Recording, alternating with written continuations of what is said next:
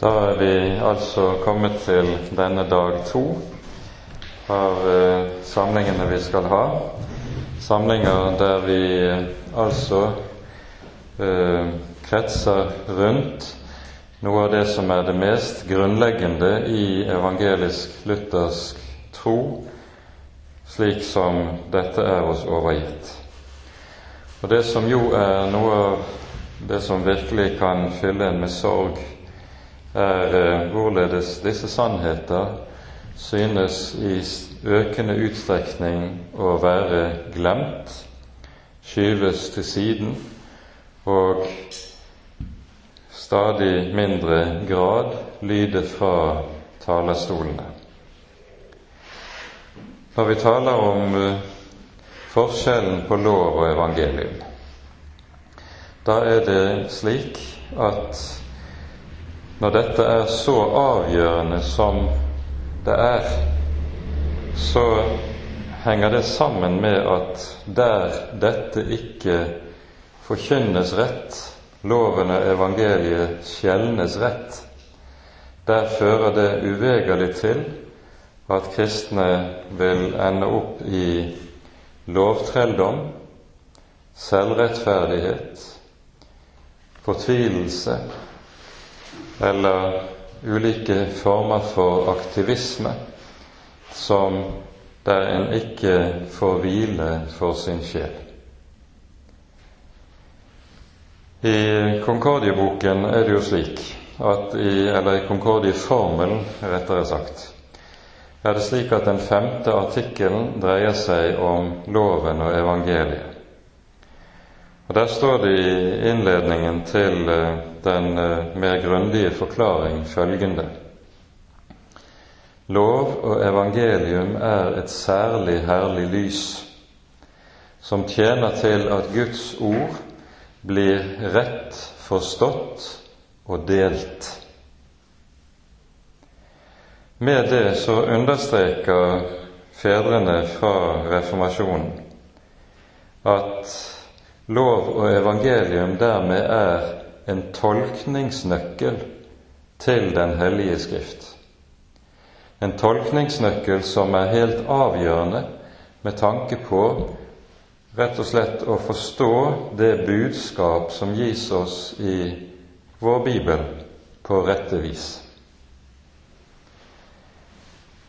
En slik tolkningsnøkkel er noe som den kristne menighet i aller høyeste grad behøver.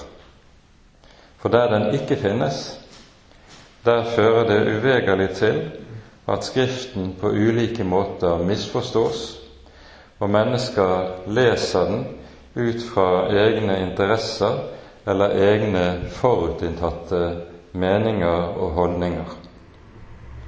Lov og evangelium er en slik tolkningsnøkkel.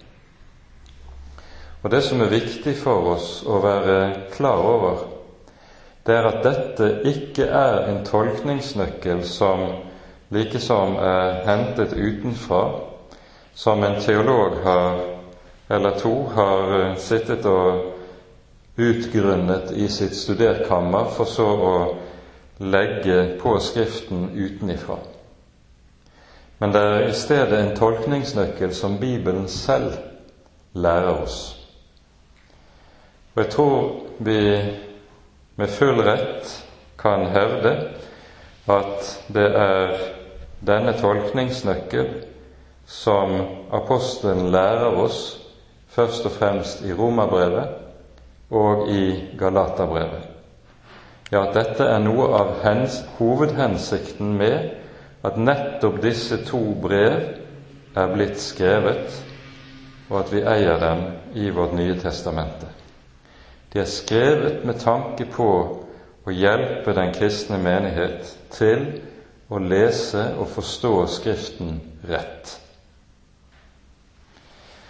Vi kommer tilbake til dette etter hvert.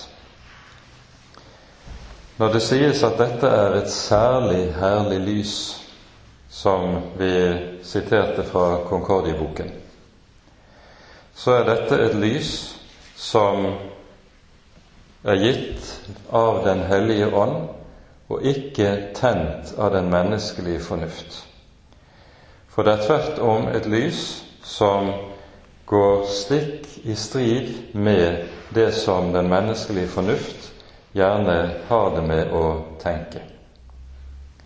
Som dere alle vil vite, så sier man gjerne som innbegrep av det som uh, var reformasjonens gjenoppdagelse av Bibelen, det var at reformasjonen er et svar på det store spørsmålet hvordan kan jeg finne en nådig Gud? Hvordan kan jeg finne en nådig Gud? Og så hevder man da gjerne i forlengelsen av dette, når samtalen kommer inn på preken og hva som er prekens oppgave. At dagens mennesker de spør slett ikke etter en nådig Gud. Derfor er hele denne problemstillingen uaktuell. Det er tvert om helt andre ting det moderne mennesket er opptatt av. Og Derfor er både spørsmålet etter den nådige Gud et spørsmål som forkynnelsen slett ikke behøver å beskjeftige seg med. Og Derfor blir også hele talen om lov og evangelium noe som er helt uaktuelt, og som vi derfor også i, sjelden, i mer og mer sjelden grad hører lyde.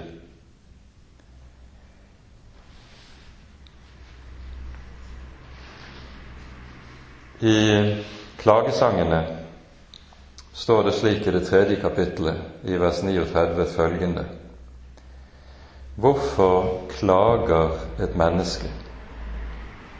Hvert enhver klage over sin egen synd. Hva er det det her settes ord på?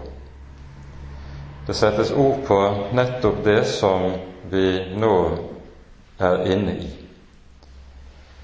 For det som er dagens måte å tenke om menneskets situasjon på, det er at menneskets største problem er at det har det vondt, ikke at det er vondt. Og følgelig, fordi en mener at menneskets største problem er at mennesket har det vondt, det har så mange problemer som det strever med, det er så mange ting som mennesket lider under her i verden, Derfor er det Guds fremste oppgave å hjelpe meg med mine problemer. Komme meg til unnsetning i min nød.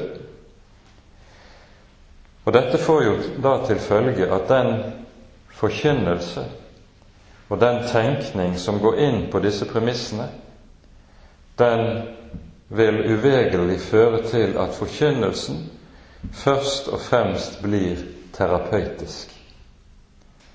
En taler om at vårledes Guds oppgave i Hans nåde og kjærlighet er å hjelpe meg i min nød og i min sorg. Mens Jesus dermed følgelig blir en som er vår hjelpesmann, som hjelper meg til å komme på rett kjøl, men han blir ikke frelser. Dette ser vi særlig tydelig i det som ble forkynt etter 22. juli i fjor. Hvis du lytter til og legger merke til hva slags forkynnelse som lød fra talerstolene, i, ikke minst i de sentrale markeringene etter 22. juli, så lød det knapt et ord om Kristus, og slett ikke et ord om frelsen og Frelseren. Men det var tale utelukkende om Gud som en som skal trøste. Han var, ble gjort til terapeuten. Hvorfor klager et menneske? Enhver klage over sin egen synd. Saken er jo den at slik Den hellige Skrift taler om disse ting, så er menneskets nød i forhold til Gud det er nettopp menneskets synd. Det er det som er vår hovednød. Og det henger sammen med det som Bibelen har å lære oss om hvem Gud er, nemlig den hellige. Og den hellige Gud, når Skriften taler om hva det innebærer at Gud er hellig, så innebærer Guds hellighet det at synd, det som ondt er, det som urett er, det som urent er, det er noe som er utålelig i den hellige Guds øyne. Gud og synd er uforlikelige størrelser. Gud og synd kan ikke finnes sammen.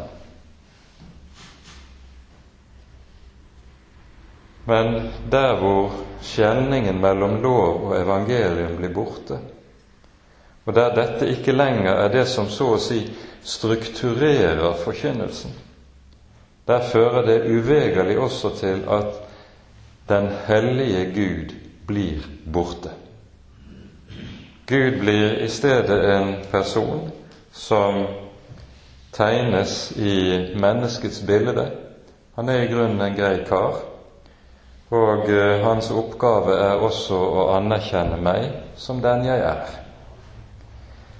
For det moderne evangelium som tegnes ut i dette bildet som vi her har dratt frem, det er at evangeliet består av at Gud godtar meg som jeg er. Det er en forfalskning av evangeliet. For når Skriften forkynner evangeliet, så forkynner Skriften sant nok at Gud elsker deg og meg slik som vi er. Ja, kanskje på tross av det vi er, vil det være riktigere å si. Men frelsen består ikke i at Han godtar oss slik vi er. Frelsen består i at Han frelser oss fra det vi er i oss selv. Og det er en ganske annen sak. Det er et ganske annet evangelium. Når reformasjonen altså står der med spørsmålet hvordan finner jeg en nådig Gud? Så skal vi være oppmerksom på at dette spørsmålet, det er et spørsmål som det naturlige mennesket som det religiøse mennesket aldri stiller av seg selv ut fra egne forutsetninger. Dette spørsmålet er et spørsmål som utelukkende kan vekkes av forkynnelsen. Og forkynnelsens dette er også en av forkynnelsens hovedoppgaver. Det er forkynnelsen, en rett forkynnelse nemlig av Guds hellige lov, det er det som kan vekke spørsmålet etter den nådige Gud. Det som det naturlige mennesket nemlig tenker om Gud, det er at Gud er i grunnen slik som oss, bare i større utstrekning. Det er ikke en kvalitetsforskjell mellom Gud og oss, men det er bare en gradsforskjell. Han er mektigere, han er større, han lever lenger, i den forstand at han er evig, osv. Men det er ikke en kvalitetsforskjell. Og Derfor sier Salme 50 om hvordan det naturlige mennesket tenker om Gud, følgende Du tenkte at jeg var som du. Det sier Herren til folket. Når folket nemlig tenker som så at Synd er i grunnen ikke så farlig. Det å synde, det kan forenes med å leve sammen med Israels Gud. Og så går Herren i rette med sitt folk, som tenker slik og sier 'Du tenkte at jeg var som du', men jeg vil straffe deg og stille det frem for dine øyne, kommer det i fortsettelsen. Gud er den hellige Gud.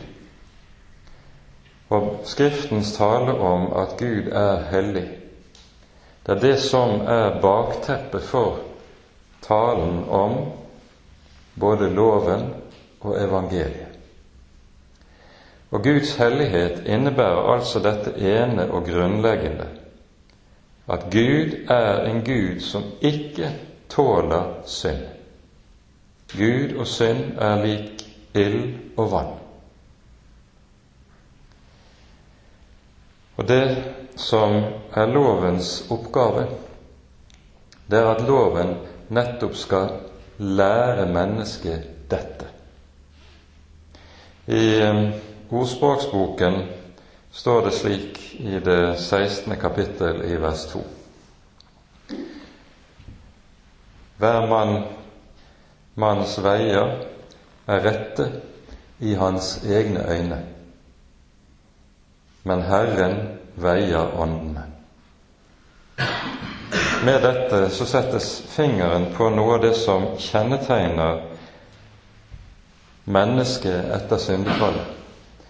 Det falne mennesket er dypt, dypt egenrettferdig. Og det er dette som er det falne menneskets hovedproblem. Eller skulle vi si Guds problem når han skal inn til det falne mennesket. Hver manns veier er rette i hans egne øyne. Men Herren veier åndene. Det at Herren veier åndene, det er det som skjer når loven forkynnes. For loven er av Gud gitt som et erkjennelsesmiddel. Unnskyld et middel som skal lære meg hvem jeg er. Hvem jeg er, og hvorledes jeg ser ut i Guds øyne. For i Guds øyne ser jeg ganske annerledes ut enn i egne øyne. Og dette der loven lyder og forkynnes rett, det har den bestemte konsekvens med seg som vi hører allerede på pinsedag, når Den hellige ånd er kommet. Peter holder sin store tale på pinsedagen. Så hører vi deretter det fortelles om folkets reaksjon. Og hva sies det? Da de hørte dette, stakk det dem i hjertet.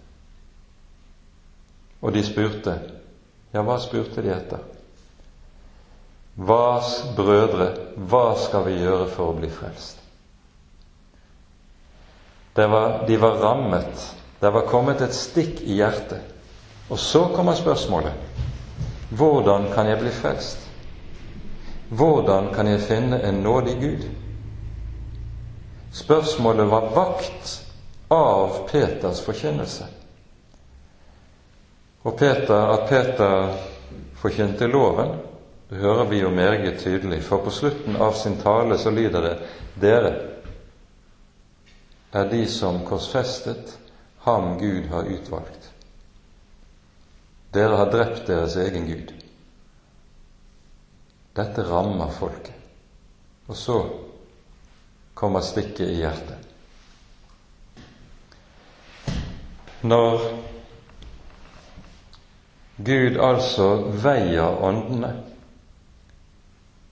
så er det det som skjer. Med sin hellige lov kommer Han inn i mitt liv, og så avslører Han noe om meg selv som jeg ikke ser sånn uten videre. En sannhet om meg selv som jeg bare blir klar over gjennom at Herren åpenbarer det for meg. Jeg har av og til brukt et bilde om dette fra min egen barndom. Min bestefar han var prest på Østlandet. Ehm, og da, Den gang var det en stor, gammeldags prestegård. Ehm, og på somrene så tok mor og far oss barna med over fjellet, og vi reiste på besøk til farmor og farfar på Toten, der prestegården var. Og Det var en gammeldags prestegård. Det var kyr, det var hest, det var gris, det var høns, og det var sau på gården. Og det var et paradis for oss bybarn å være der. Vi var gjerne et par uker om sommeren.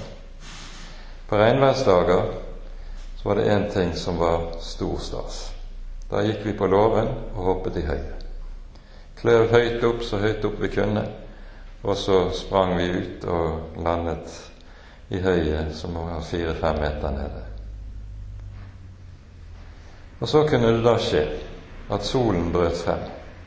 Låven var gjerne ikke så veldig nøye bygget, så det kunne være en glipe eller to mellom plankene. Og når solen brøt frem, så kom der en lysstråle inn. Og hva så vi? Luften var så tett av støv at du kunne nesten skjære i den med kniv. Var ikke støvet der før solen kom? Selvfølgelig var det det. Men vi så det ikke før solen kom. Det var der hele tiden, men vi så det ikke. Og Nettopp dette er det som er Guds lovs rolle. Loven er et slikt lys som kommer inn, kastes inn over livet mitt og avslører noe om meg som jeg ikke så tidligere. Det var der hele veien, men jeg så det ikke før. Og Derfor sier Paulus i Romerbrevet i det tredje kapittel vi vet at alt det loven sier, det taler den til dem som har loven, for at hver munn skal lukkes, og hver munn bekjenne. For, står det i verset her, for hver munn skal lukkes, og hele verden blir skyldig for Gud. For intet kjød blir rettferdiggjort ved lovgjerninger, men ved loven kommer syndens erkjennelse. Gud har gitt sin hellige lov som et erkjennelsesmiddel som skal lære meg en sannhet om meg selv som jeg egentlig ikke vil se. En sannhet om meg selv som jeg flykter unna fordi den er så ubehagelig. Og Det er jo derfor mennesket, det falne mennesket rømmer unna Gud. Jeg må innse noe, en ubehagelig sannhet om meg selv der jeg blir stående som skyldig, som synder. Og når det står at hver munn skal lukkes, så betyr det at får loven riktig utført sin gjerning med deg og meg, da må, har jeg ikke lenger noen unnskyldning for hva jeg har gjort. Jeg har ikke lenger noe selvforsvar som duger. Jeg kan ikke appellere til formildende omstendigheter. Jeg er skyldig. Det jeg har gjort, det jeg bærer i mitt hjerte av mørke, av skam, urenhet, synd, det er min egen skyld. Loven avslører meg. Det er dens oppgave. Og der dette virkelig blir alvor, der kommer spørsmålet umiddelbart hvordan kan jeg bli frelst? Hvordan kan jeg finne en nådig Gud? I evangeliene så møter vi både forkynnelsen av lov og evangeliet. Vi hører hyppigst om hvorledes hjelpeløse stakkarer, syndere, får møte Herren Jesus og får høre ordene Dine synder er deg forlatt. Gå bort i fred. Din tro har frelst deg. Disse utsagnene fra Jesu munn har vi møtt, og vi takker for det. Men vi hører også Jesus forkynne loven i evangeliene, og jeg vil peke på et eksempel på dette for å vise hvordan loven kan forkynnes. Vi leser i Markus 10 følgende fra vers 17. Da Jesus gikk ut på veien, kom en løpende og falt på kne for ham og spurte ham, Gode mester, hva skal jeg gjøre for å arve evig liv? Men Jesus sa til ham, Hvorfor kaller du meg god? Ingen er god uten én. Det er Gud. Budene kjenner du. Du skal ikke slå i hjel. Du skal ikke drive hor. Du skal ikke stjele. Du skal ikke vitne falskt. Du skal ikke bedra noen. Du skal hedre din far og din mor. Hva er det Jesus gjør her?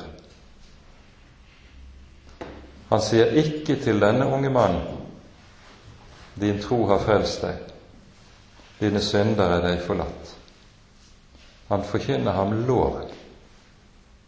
Og det er de ti bud vi hører Jesus her ta frem.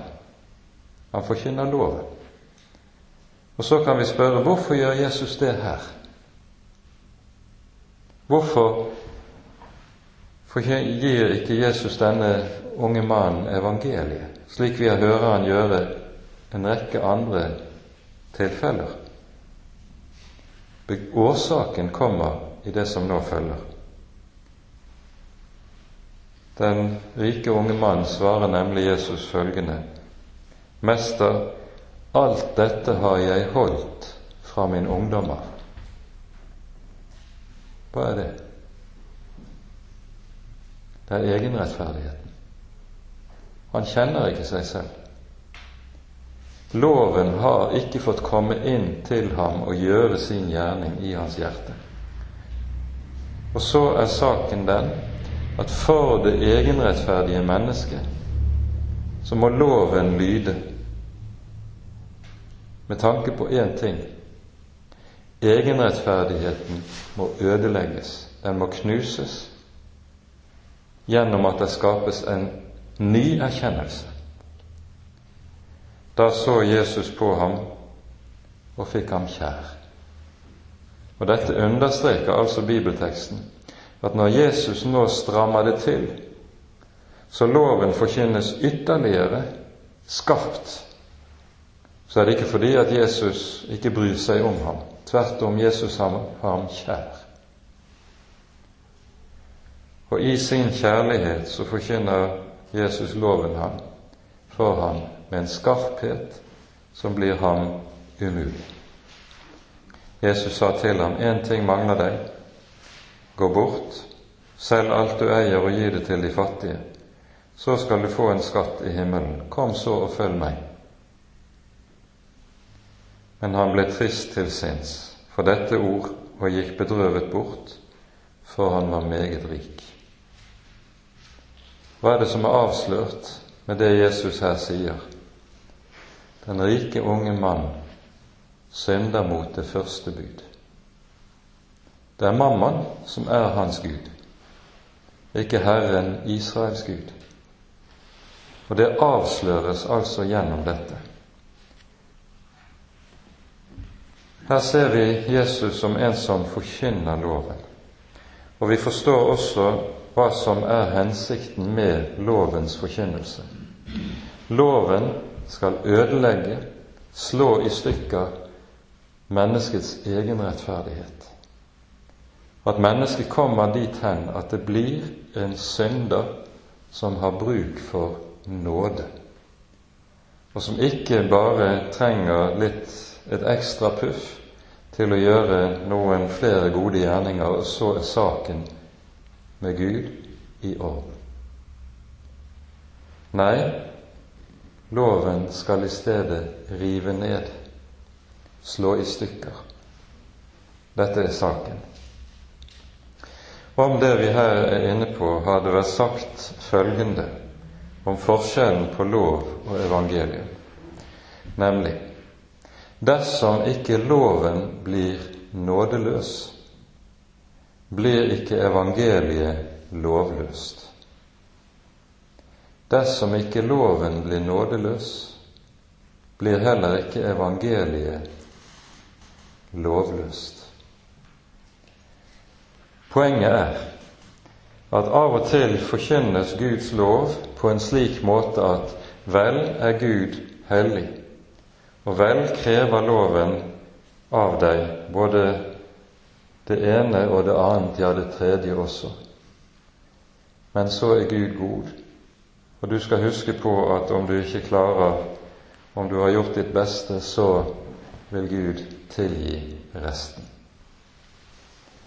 Da er det hele blitt galt. Da er loven ikke blitt nådeløs.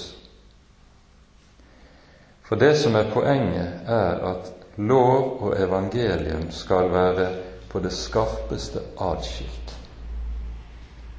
Det som er det ulykkelige, og det som slik luthersk tro og tenkning har alltid lært om dette, er at det som er selve hovedsynden når det gjelder det vi her snakker om, det er når lov og evangelium blandes sammen. Da forvirres Guds ord. Da kommer lovtrelldom. Da kommer egenrettferdigheten til å få sin plass. Saken er, og med dette er vi kommet frem til det som er det avgjørende når vi skal se på forskjellen på loven og evangeliet. Lov og evangelium er ikke bare to ulike slags ord som lyder i Den hellige Skrift. Lov og evangelium er også to ulike gjerninger som Gud utfører. For det som jo er vår tro når det gjelder Guds ord, det er at gjennom sitt ord utfører Gud sin gjerning med oss, fordi ordet er levende og virkekraftig. Dette hører vi gjentas i en rekke sammenhenger i Det nye testamentet, ikke minst. Slik er det fordi når Gud skal ha noe gjort, så skjer det alltid gjennom at Gud taler. Sånn var det allerede fra begynnelsen i skapelsen. Når Gud skaper verden, så gjør han det ved sitt ord. Han talte, og det skjedde. Han bød, og det sto der. Bli lys, og det ble lys. Sånn er det også med evangeliet i den nye pakt. Gud utfører sin gjerning gjennom sitt ord. Han utfører to forskjellige gjerninger ved loven og ved evangeliet. Ved loven utfører han en gjerning som døder. Han døder, dreper, korsfester det gamle mennesket. Med evangeliet gjør han den motsatte gjerning. Han gjør levende, vekker opp og skaper nytt liv. Med lov og evangelium utføres altså to stikk motsatte gjerninger. Og Dette sammenfattes gjerne ved hjelp av ordene fra Første Samuels boks 2. kapittel, der vi i Hannas lovsang leser følgende Herren døder og gjør levende, fører ned i dødsriket og opp derifra. Herren gjør fattig og gjør rik. Han nedbøyer, og han opphøyer. To gjerninger som er stikk motsatt hverandre, men som samtidig betinger hverandre. Den ene kan nemlig aldri være uten den annen. For skal Gud gjøre levende, så må han først døde. Skal han føre opp av dødsriket, så fører han først ned. Luther formulerer det slik når Gud vil føre et menneske til himmelen, så fører han det først til helvete. Det er samme sannhet formulert med hans ord. Han utfører to gjerninger, og disse to henger på det nøyeste sammen. Og hva er det så som er den store forskjellen på lov og evangelium rent innholdsmessig? Loven har det med seg at der loven lyder, der har den alltid en bestemt adresse. Den peker på deg og på meg, og så sier den 'du skal, du skal ikke'. Og Når dette ordet riktig rammer meg, så ser jeg også at dette som Gud krever av meg med sitt 'du skal' og 'du skal ikke', det har jeg ikke gjort. Og derfor dømmes jeg skyldig. Loven blir et ord som fører en dyp anklage innover livet mitt. En anklage som jeg ikke kan forsvare meg i forhold til, fordi jeg vet jeg er skyldig. Jeg vet, der loven får utført sin gjerning, at om Gud kaster meg i fortapelsen, så gjør han ikke annet enn det jeg fortjener. Gud er i sin fulle rett om han gjør det. Det vil loven føre med seg. Evangeliet, det er et annet ord. Mens loven sier 'du', og altså peker på deg, så er evangeliet et ord som ikke peker på deg og sier 'du skal'. Evangeliet er aldri et ord som forteller meg noe jeg skal gjøre, eller noe jeg skal være. Evangeliet er i stedet et ord som peker på en annen mann. Det peker på Jesus Kristus og sier 'Han har gjort'. Det er evangeliet et budskap som forteller om hva Guds sønn har gjort og at det Guds sønn har gjort, det gjelder i mitt sted. Evangeliet er altså kjennetegnet ved det at det er et budskap om hva Sønnen har utført, og det er et budskap om at dette utfører han som stedfortredere. Der ordet om stedfortrederen ikke lyder, så har evangeliet aldri lydd rett heller.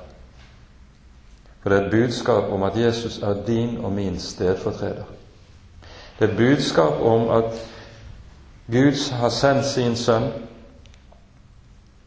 og i Sønnen så har han straffet all den synd som loven anklager deg og meg for.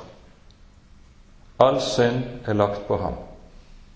Dommen for all min synd, den er også lagt på ham. Og så lider han døden i ditt og i mitt sted. Den stedfortredende død, der han lider den død jeg skulle ha lidd. Der han går inn under Guds fred, vrede på grunn av min synd. Ja, går inn i fortapelsen for min skyld. For det er det som skjer når Jesus dør. Når han roper på korset 'Min Gud, min Gud, hvorfor har du forlatt meg?' Da er Jesus inne i fortapelsens mørke. Han forkastes av Gud på grunn av hva jeg har gjort. Han forkastes av Gud for at du og jeg skal slippe å bli forkastet av Gud. Evangeliet er alltid et budskap som taler om Jesus og hva han har gjort. Og hva er det det videre forkynner for oss? Evangeliet står i motsetning til loven i det det er slik at både loven og evangeliet jo kommer til oss med bestemte løfter. Loven kommer også med et løfte. Den sier 'dersom du gjør det, skal du leve'. Det er altså et løfte om evig liv. Loven kommer også med et løfte. Den lover meg Guds velsignelse og Guds velbehag. Men lovens løfte det er alltid knyttet til en bestemt betingelse som sier 'dersom du gjør det, da skal du få det'. Hva gjør evangeliet? Det forkynner det samme løftet som loven forkynner. Men det forkynner meg Jesus har oppfylt alle betingelsene for at jeg skal få del i det. Jeg behøver ikke å oppfylle ett eneste vilkår for å få del i livet, del i velsignelsen, del i frelsen og i saligheten. For Jesus har oppfylt alle betingelser for at jeg skal få være en kristen, være et Guds barn. Og Derfor er det å være en kristen på evangeliets grunn, det er å vite at jeg lever på grunnlag av noe en annen har gjort. Jeg lever ikke på grunnlag av hva jeg selv kan gjøre eller være eller få til. Jeg lever på grunnlag av hva en annen har gjort. Det er evangeliet. Og så forstår vi at lovens og evangeliets ord det er helt forskjellige ord. Og hvis vi ikke er i stand til å skjelne mellom disse ord, så vil vi heller ikke være i stand til å gi syndere trøst, syndere håp. For loven har jo det med seg at den fratar meg ethvert håp. Evangeliet har det med seg at det gir meg et fullt, fullverdig håp, det som Bibelen kaller for et levende håp. Et håp som ikke går til grunne, selv om alt annet i menneskets verden går til grunne. Når evangeliet forkynner for meg budskapet om Jesus, så forkynner det meg budskapet om Han som var syndfri. Og i Romerbrevet i det femte kapittel, og jeg tror vi skal kanskje stanse med disse versene fra Romerne fem, så tales det om tydelig og sterkt hva Jesu gjerning innebærer. Det står følgende eh, det som er sammenhengen i teksten, det er at vi har historiens to hovedpersoner som settes opp i motsetning til hverandre. Og Disse to hovedpersoner det er Adam på den ene side og Kristus på den andre side. De er felles i dette at fra begge disse to så utgår det en virkning fra den ene til de mange. Og så hører vi det står slik. Vi leser fra vers 17 til 19 i Romerbrevets femte kapittel. Om døden kom til å herske ved den ene, altså Adam, fordi denne ene falt, hvor mye mer skal de, da de som mottar nådens og rettferdighetsgavens overstrømmende rikdom, leve og herske ved den ene, Jesus Kristus. Altså, like som én manns overtredelse ble til fordømmelse for alle mennesker, slik blir også en manns rettferdige gjerning til livsens rettferdiggjørelse for alle mennesker. For like som de mange ble stilt frem som syndere ved det ene menneskets ulydighet, så skal også de mange stilles frem som rettferdige ved den enes lydighet. Hva er det apostelen her underviser om? Jo, han sier ikke bare det som vi har vært inne på, at når Jesus lider døden i ditt og mitt sted, så er dette en soning for alle våre synder og for alle menneskers synder til syndenes forlatelse for hvert menneske under himmelen. Men han sier videre ved Kristi lydighet kommer det en rettferdighet som blir alle mennesker til gode. Hva tenkes det på med Kristi lydighet? Jo, det at Jesus har oppfylt loven. Jesus har i sitt liv oppfylt Guds hellige lov til punkt og prikke. Derfor underviser Bibelen oss om hvorledes Jesus er den som er syndfri. Han er den fullkomne, syndfrie menneske. Den eneste som har levet.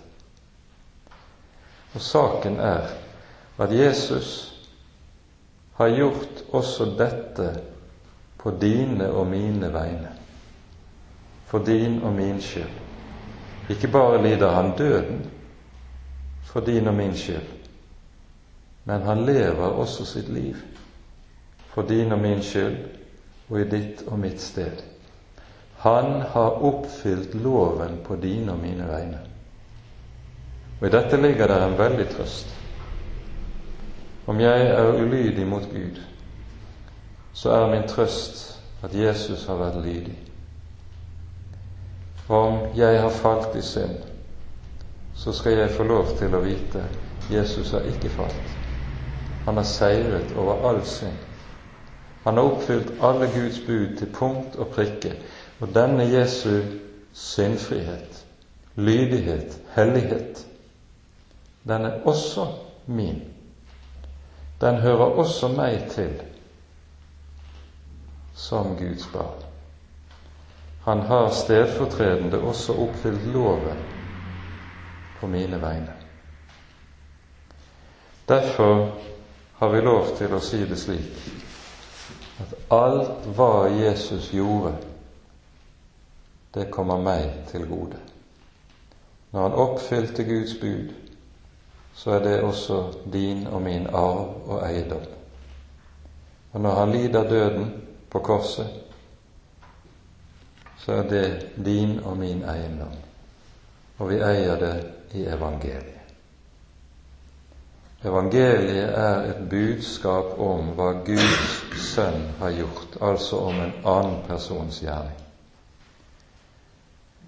Og Derfor skal vi også vite det, at det hører aldri til evangeliet, og det er en forfalskning av evangeliet, der hvor det hevdes at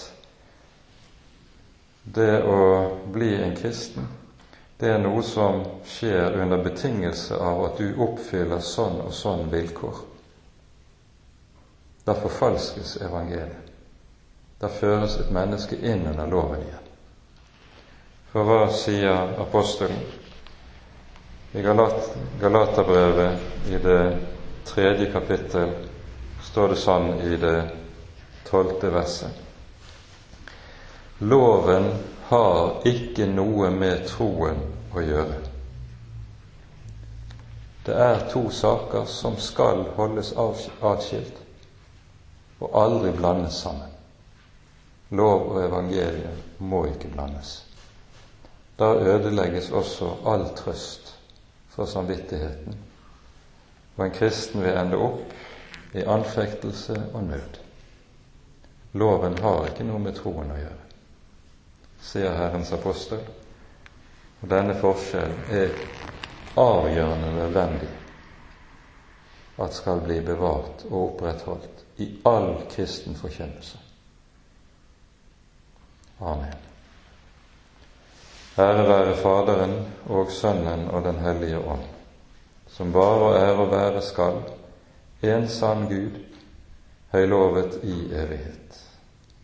Amen. Da er det altså sånn som eh, det har vært eh, ment under eh, når man har arrangert disse kveldene, at det skal være anledning til spørsmål og samtale. Så ordet er fritt. Vær så god. Du snakka i går om den katolske kirke hadde samarbeid mellom menneske og Gud. Ja. Men skjer ikke egentlig noe av det samme på motsatt fløy? Jeg har inntrykk av at det er liksom fokus er på alt det i, alle våre metoder, istedenfor på det han har gjort, og ofrene han gjort. Eh, dessverre tror jeg at det er altfor sant, det som du peker på. Eh, der det blir fokus, hovedfokus i kristenlivet og i menighetslivet, hva vi skal gjøre, og hva vi skal være, der fører det med nødvendighet til at eh, evangeliet kommer i bakgrunnen. Det fører med nødvendighet til ulike typer lovtrelldom, og da er gjerne fortegnet det som vi kaller for aktivisme. Eh, dette her, denne, Det som du er inne på, det er jo noe som vi ser stadig komme i nye utgaver til oss over eh, havet fra vest. Der kommer det ulike bevegelser som med inspirasjon til å gå i gang med ulike tiltak som alle sammen har det som eh, felles overskrift at det skal løse menighetens problemer. Det skal skape vekst når det er tørke. Det skal Eh, skape nytt liv der det føles som om alt er trangt og dødt, osv., osv. Og fokus er hele tiden i alt dette hva vi skal gjøre. Saken er jo den at der den kristne menighet er i nød, der er det første spørsmålet alltid hva vil Han som er Herre, gjøre? Og derfor er det første som vi er opp til oss i så fall, det er å bøye kne og rope på Hans hånd at Han må gripe inn. Og det er vel eh, dessverre ofte dette som kommer til da å skje, at det blir alle aktiviteter som kommer inn i stedet for et folk som ligger på kne for sin Herre og roper på Hans nåde og barmhjertighet.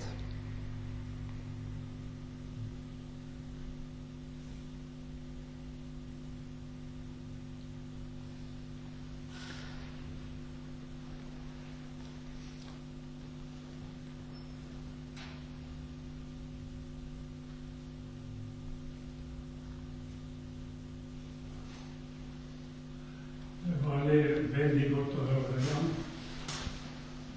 Ja, men det var et godt uh, åndelig måltid som jeg fikk, med sunn kost. Det trenger vi. Jeg var en tur på Jæren her før i forrige uke, og da uh, var det noen der jeg var, som var så opptatt av oase. Noe, jeg er ikke så opptatt av det, men jeg kan ta feil. Men eh, det, det trenger liksom igjen så mange plasser. Altså ikke akkurat oasen, men det som er bolig. Så tenkte jeg når jeg hadde skole her, nå skal jeg spørre deg litt frimodig. um, når det gjelder oasebevegelsen og dens innflytelse i norsk kristenliv, så er jo dette noe som går inn i de mest forskjellige sammenhenger, og det, det, vi ser det i hvert fall i hele Sør-Norge så har oasebevegelsen hatt ganske stor innflytelse på mange sider ved kristenlivet, både i organisasjoner og delvis innenfor Kirken. Nå kommer vi til å tale en god del mer om akkurat det du spør om nå, i morgen. Eh, I morgen er temaet det som har med nådemidlene å gjøre. Og da kommer vi også til å ta opp en del av de viktige sakene som er knyttet sammen med dette. Eh, men det som ganske kort må pekes på, det er jo at eh, med karismatikken, den moderne karismatikk, så står vi veldig ofte overfor det som, vi, som Luther kalte for svermeri.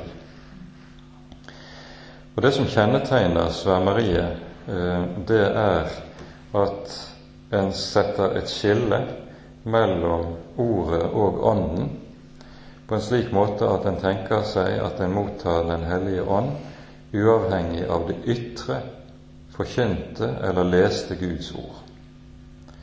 Dette er veldig typisk for eh, det meste av karismatikken.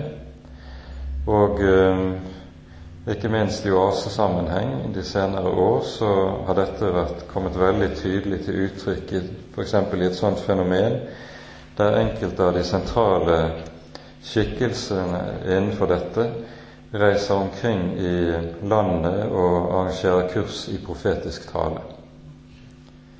Eh, jeg hørte Jeg traff for et par år tilbake noen eh, venner litt lenger nord i landet som eh, kunne berette om et slikt kurs. Det var holdt i regi av en av de såkalte lutherske organisasjonene, men i dette skal jeg love at det er ikke mye lutherdom.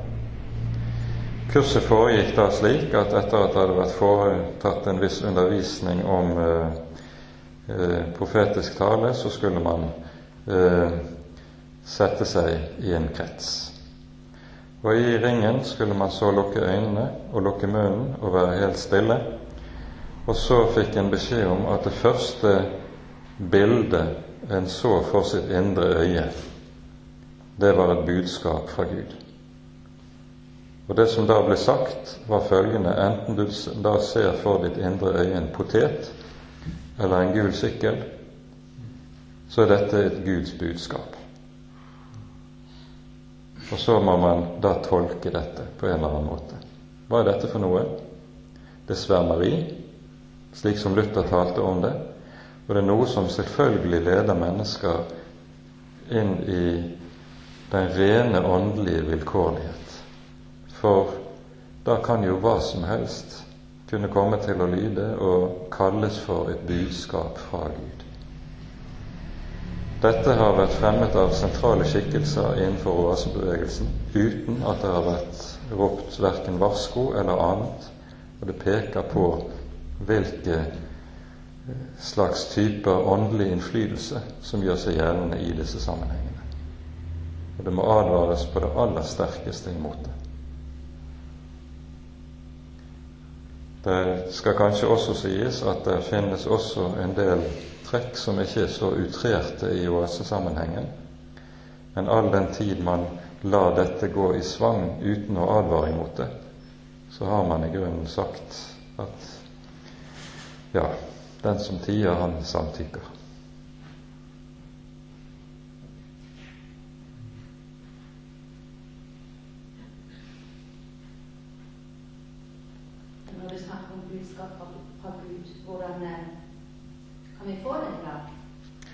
Budskap fra Gud har vi i Den hellige Skrift.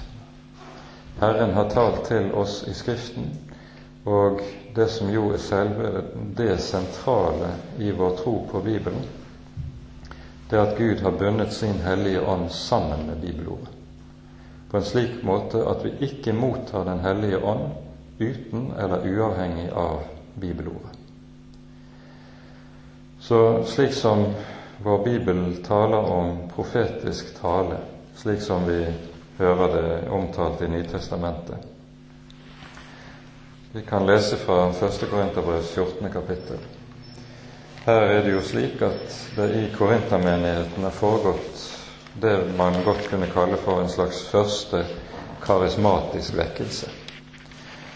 Og det, denne vekkelsen truer med å gå over alle søvleskaft, og Paulus har sitt svare strev med å tøyle korinterne. Og I den sammenheng så sier han at han heller vil at de skal tale profetisk alle sammen med sin munn, enn at de alle skal tale med tunger. For tungetalen var blitt noe som alle mente var tegn på den største åndelighet. Paulus sier det at dette er den aller minste av eventuelt nådens gaver. Det er andre gaver som er langt viktigere og mer betydningsfulle. Og så sier han følgende i kapittel 14, da, om den profetiske tale, vers 24 og 25.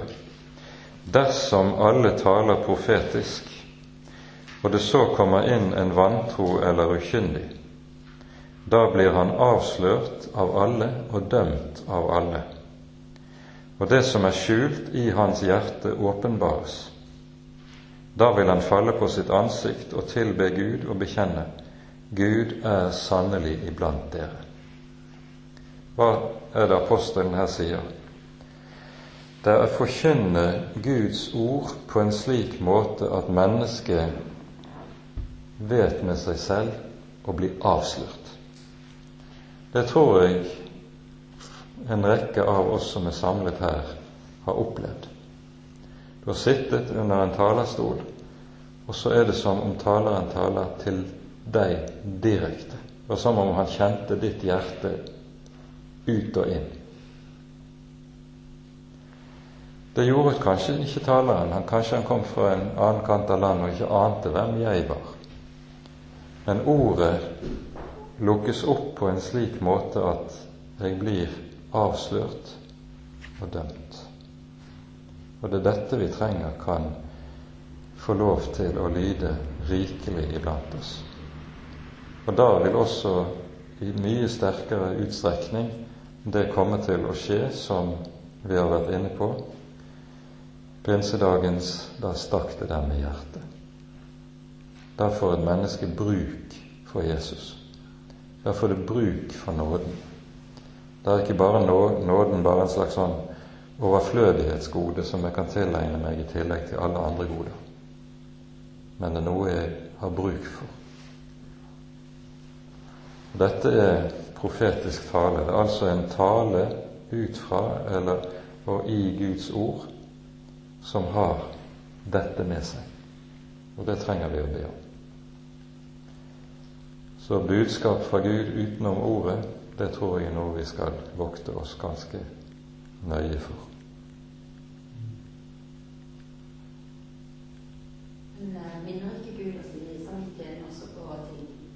Det kan han gjøre. I høy grad kan Gud minne oss.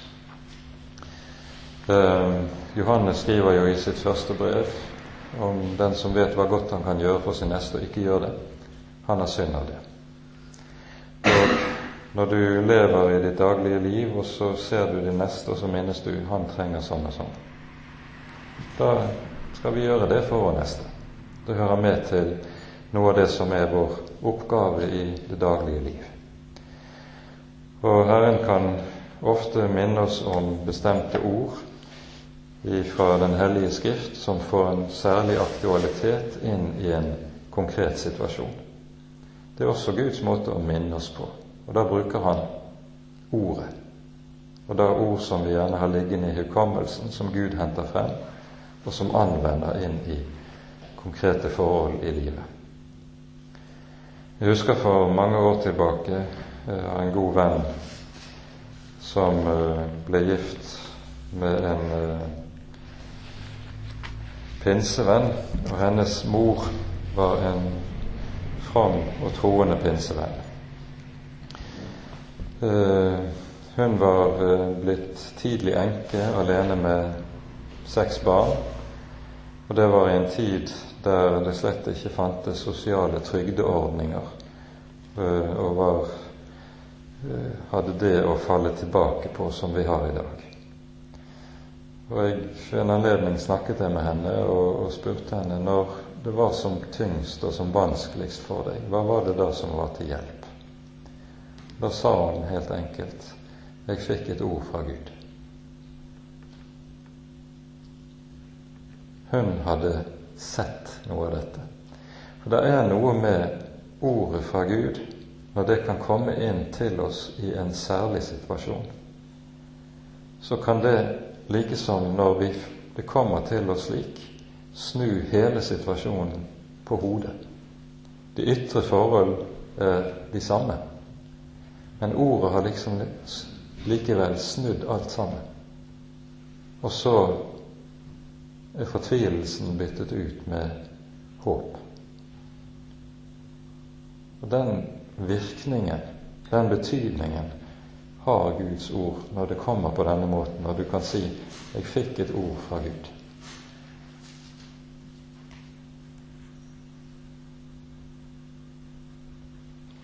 Så ja, i høy grad kan Herren minnes.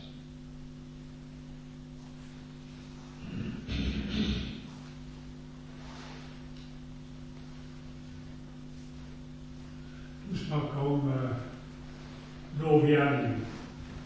Det er fint snakke om at vi skulle frelst av nåde rekker fram to tomme hender, for å bruke det uttrykket.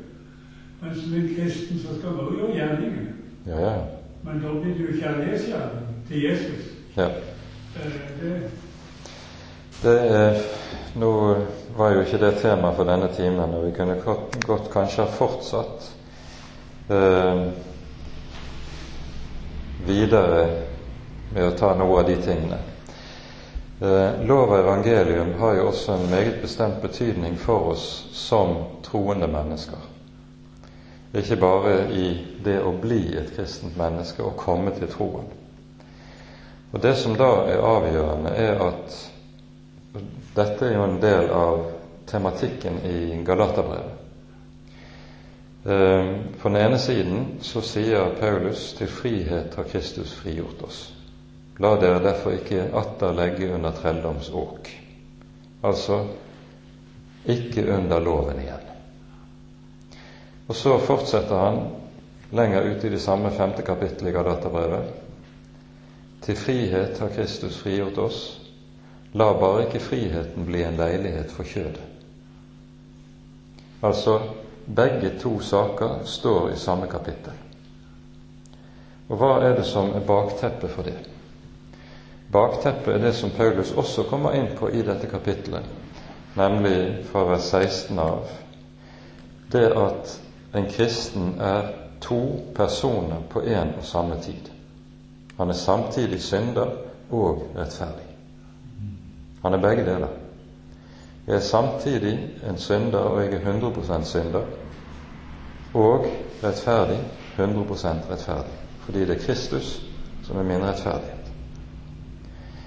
Og Det som da er vår fare når det gjelder forholdet mellom loven og evangeliet i denne sammenheng, det er at vi kan bruke evangeliet som en frihet for det gamle mennesket.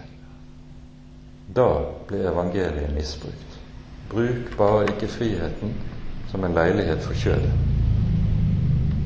For evangeliet hører det nye mennesket til. Og det er det som skal stadig gi nytt liv, øh, til dette nye mennesket. Gi det næring. Det som vi også stadig har lyst til, det er å la evangeliet komme til det gamle mennesket. Da er saken den at det gamle mennesket skal være bundet av loven.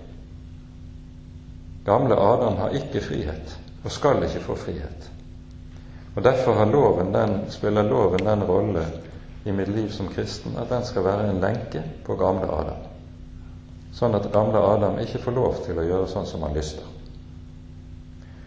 Og på denne måten, hvis vi kan slik lære å skjelne rett mellom lov og evangelium i det kristne liv, så blir dette også en hjelp til å holde meg på veien videre.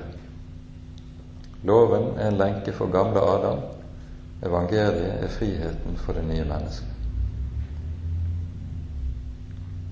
Og det er den rollen disse spiller i vårt kristne liv.